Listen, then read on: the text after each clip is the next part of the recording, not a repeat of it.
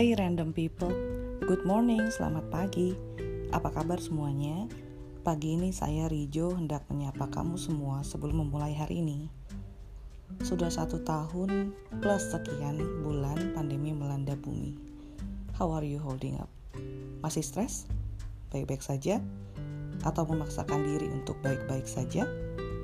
Hari ini pembatasan mobilisasi dimulai dan kemarin naga-naganya puncak arus mudik jalan tol padat merayap tanpa harapan nih dengan mobil-mobil pribadi dan truk logistik.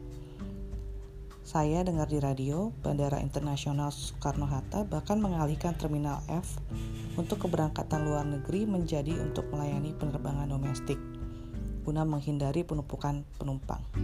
Kebayang ya padatnya bandara, terminal, dan sebagainya dengan orang-orang yang mau pulang. Banyak orang yang saya kenal sudah cabut dari kemarin dan baru kembali ke kota masing-masing tanggal 18 mendatang. Bagi mereka yang pulang, ingatlah protokol kesehatan untuk fisik dan dompet ya. THR jangan dihabiskan, masih ada kehidupan alias cicilan menanti setelah liburan.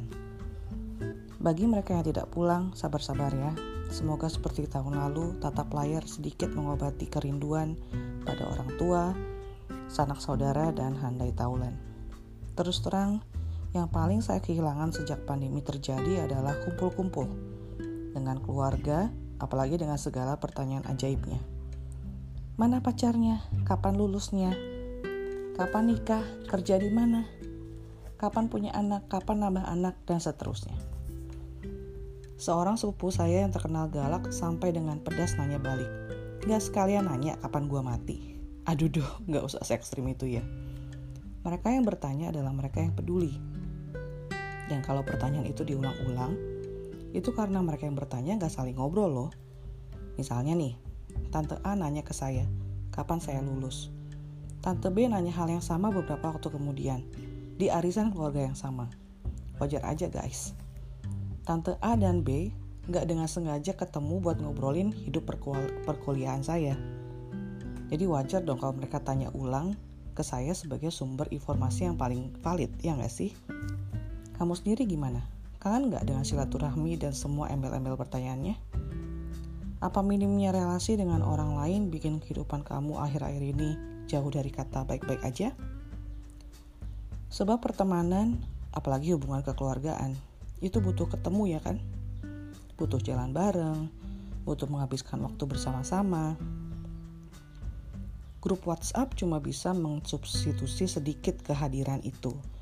Tetap aja kita kangen sama kehadiran secara fisik, kedekatan secara nyata. Ada yang ngalamin gini nggak? Awal pandemi sih, grup WhatsApp masih rame dengan saling mengupdate kabar. Lama-lama jadi sepi kayak kuburan. Soalnya sehari-hari kita sibuk, banyak banget yang harus dikerjain. Pertanyaan kayak how are you, apa kabar, jadi susah dijawab secara detail. Jawabannya jadi general banget. Iya, kabar gue baik. Lu gimana? Terus dijawab lagi dengan iya, gue baik. Terus berhenti deh, senyap. Pada nggak tahu lagi harus ngomong apa. Ini beda dengan sebelum pandemi, waktu kita masih dengan mudah ketemu orang-orang. Update kabar terbaru itu sangat relevan dengan kondisi kita terkini. Misalnya nih, yang nanya ke saya, Hai Jo, apa kabar? Oh baik, Kiki bukan nama sebenarnya ya. Baru ultah ya, mau kado apa? Tanyain ya ntar tante kadoin. Misalnya itu pertanyaan saya untuk anaknya teman yang kebetulan akrab dengan anak saya. Terus teman saya menjawab, oh iya dia mau bla bla bla. Dan pembicaraan pun berlanjut secara natural. Karena waktu kita tatap muka, kita melihat mata, kita melihat gerak-gerik, bahasa tubuh, yang membuat kita aware ini pembicaraan mau dilanjutkan atau enggak. Kalau di grup WhatsApp kan tidak seperti itu. Gak semua orang lagi lowong pas obrolan dimulai. Yang lagi lowong ngobrol, asik sendiri. Yang gak lowong begitu buka grup, bisa jadi langsung clear chat kalau malas manjat. Karena buat dia, semua pembicaraan itu udah lewat, gak relevan lagi sama dia. Ngobrol di grup WhatsApp itu lebih tricky lah, tapi ya better than nothing. Random people, How are you? Apa kabar? Senang nggak kalau ada yang nanya gitu?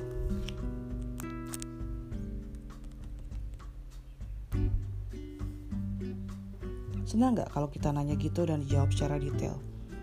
Kabar gue baik Jo, karena gue masih dapat THR full tahun ini. Atau kabar gue gak baik Jo, karena banyak yang kena covid di kantor gue. Gue khawatir bawa virus ke rumah. Atau kabar gue sosok aja Jo, gak ada yang menarik terjadi akhir-akhir ini. Tiap hari sama aja. Gue bahkan gak lihat kalender, gue gak tahu bedanya Senin sampai Minggu. Detail, detail, detail people. We need detail. Supaya kita bisa ngerti dan berempati Kabar nggak baik karena penjualan di toko menurun? Oh, I can relate to that. Kabar baik karena anak-anak sehat-sehat aja sejak pandemi merebak. I am glad that it happens to you. Begitulah, kita perlu detail supaya kita bisa mengerti kondisi orang lain, supaya kita bisa berempati. Ada juga yang bilang, gue kangen ortu yang tinggal di luar kota. Sebagai anak yang orang tuanya udah tinggal deket, tetap aja I feel you karena butuh hampir 6 bulan buat keluarga besar saya yang mencakup orang tua, adik, ipar, dan keponakan untuk bertemu tanpa parno berlebihan. Yang biasanya sering ketemu seminggu sekali atau lebih, jadi jarang banget. Tersiksa deh saudara-saudara. Untungnya dengan orang-orang semakin aware dengan protokol kesehatan, anak-anak yang mudah diajari untuk memakai masker, menjaga kebersihan tangan, dan lain-lain, ada sedikit rasa lebih aman waktu ketemuan. Saudara yang paling kasihan selama pandemi ini orang tua-orang tua karena mereka susah ketemu dengan anak-anak, dengan cucu-cucu. Cucu-cucunya harus ekstra hati-hati. Apalagi kalau anak mantunya masih pada work from office. Terus orang tua yang punya komorbid juga lebih parno. Wah nanti ketularan virus kalau sering kumpul sama orang-orang, even keluarga sendiri. Ya pandemi ini bikin kita harus banyak-banyak bersabar dan rendah hati ya semua orang kesusahan secara ekonomi, secara emosional. Menyalahkan keadaan gak ada gunanya. Minimalkanlah stres lagi kita bisa. Kita gak bisa kendalikan semua hal, tapi kita bisa kendalikan reaksi kita. Tanyalah kabar, sempatkanlah diri ngomong how are you sama orang-orang terdekat kita. Itu akan mengarah ke pertanyaan selanjutnya. How can I help? Eh beneran loh, saya terinspirasi banget sama karakter Max Goodwin di serial NBC yang judulnya New Amsterdam. Serial ini adalah serial medis, ya seperti serial medis yang dulu-dulu kayak Grey's Anatomy yang udah berseason-season atau dulu ada ER. Ini berpusat di sebuah rumah sakit publik. Karakter utamanya adalah Dr. Max Goodwin, seorang medical director atau direktur rumah sakit, di mana rumah sakit yang dia kepalai, New Amsterdam adalah rumah sakit publik terbesar di New York. Serial ini diangkat dari novel yang terinspirasi oleh kisah nyata. Novelnya ditulis oleh mantan medical director dari Bellevue Hospital. Itu memang benar rumah sakit publik terbesar di New York, Amerika Serikat. Dari hari pertama Max Goodwin bergabung di rumah sakit New Amsterdam, dia selalu bertanya begini, How can I help? Entah ke sesama dokter, perawat, pasien, dan semua tipe orang yang lalu lalang di rumah sakit itu. Jadi begitu dia mendengar keluhan, dia langsung bertanya, how can I help? Tapi yang pertama dia akan listen, dia akan mendengar apa keluhan dari orang-orang yang berinteraksi dengan dia. Menurut saya itu mentalitas yang bagus banget. It displays something that makes us so human. Humility. Kesadaran bahwa kita tuh gak sendirian. Kita perlu bantuan orang lain. Kita perlu membantu orang lain untuk maju bersama. Kalau tiap orang hanya memikirkan kepentingannya sendiri, akan selalu ada silo. Semua orang akan sibuk dengan box-boxnya sendiri, sekat-sekat dalam pikirannya sendiri, yang membuatnya tidak terkoneksi dengan orang lain. We cannot achieve much with that kind of approach. How are you random people? Apa kabar? Apa kabar dalam bahasa-bahasa lain bisa diartikan sebagai how is it going with you? Gimana hal-hal dalam kehidupanmu? Is everything fine? Semua baik-baik aja? Dalam bahasa Jerman, Vigiatus dan Perancis, Common Sava, mengindikasikan itu. Bagaimana akhir-akhir ini? Apa yang terjadi dengan hidupmu? Di dalam bahasa Jepang dengan Ogenki Deska dan Korea dengan Anyo Haseo, menanyakan kesehatan tubuh pertama-tama. Orang zaman now bilang, kesehatan mental itu lebih penting daripada kesehatan badan. Kalau saya sih tim kesehatan badan di atas kesehatan mental. Alasan saya gini. Mau gimana tetap waras, motivated, bersemangat menghidupi hari-hari. Kalau sakit-sakitan, bangkit dari tempat tidur aja susah. Mau gimana? Tapi kalau misalnya badan sehat, kesehatan mental itu bisa diusahakan.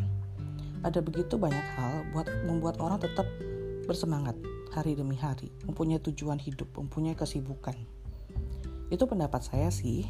Nah, bagaimana menurut kamu? Pendapat kita boleh beda dong, we agree to disagree. Dan saya pengen tahu apa alasanmu lebih memilih salah satu daripada yang lain. Apakah lebih memilih kesehatan mental daripada kesehatan badan atau kesehatan badan daripada kesehatan mental?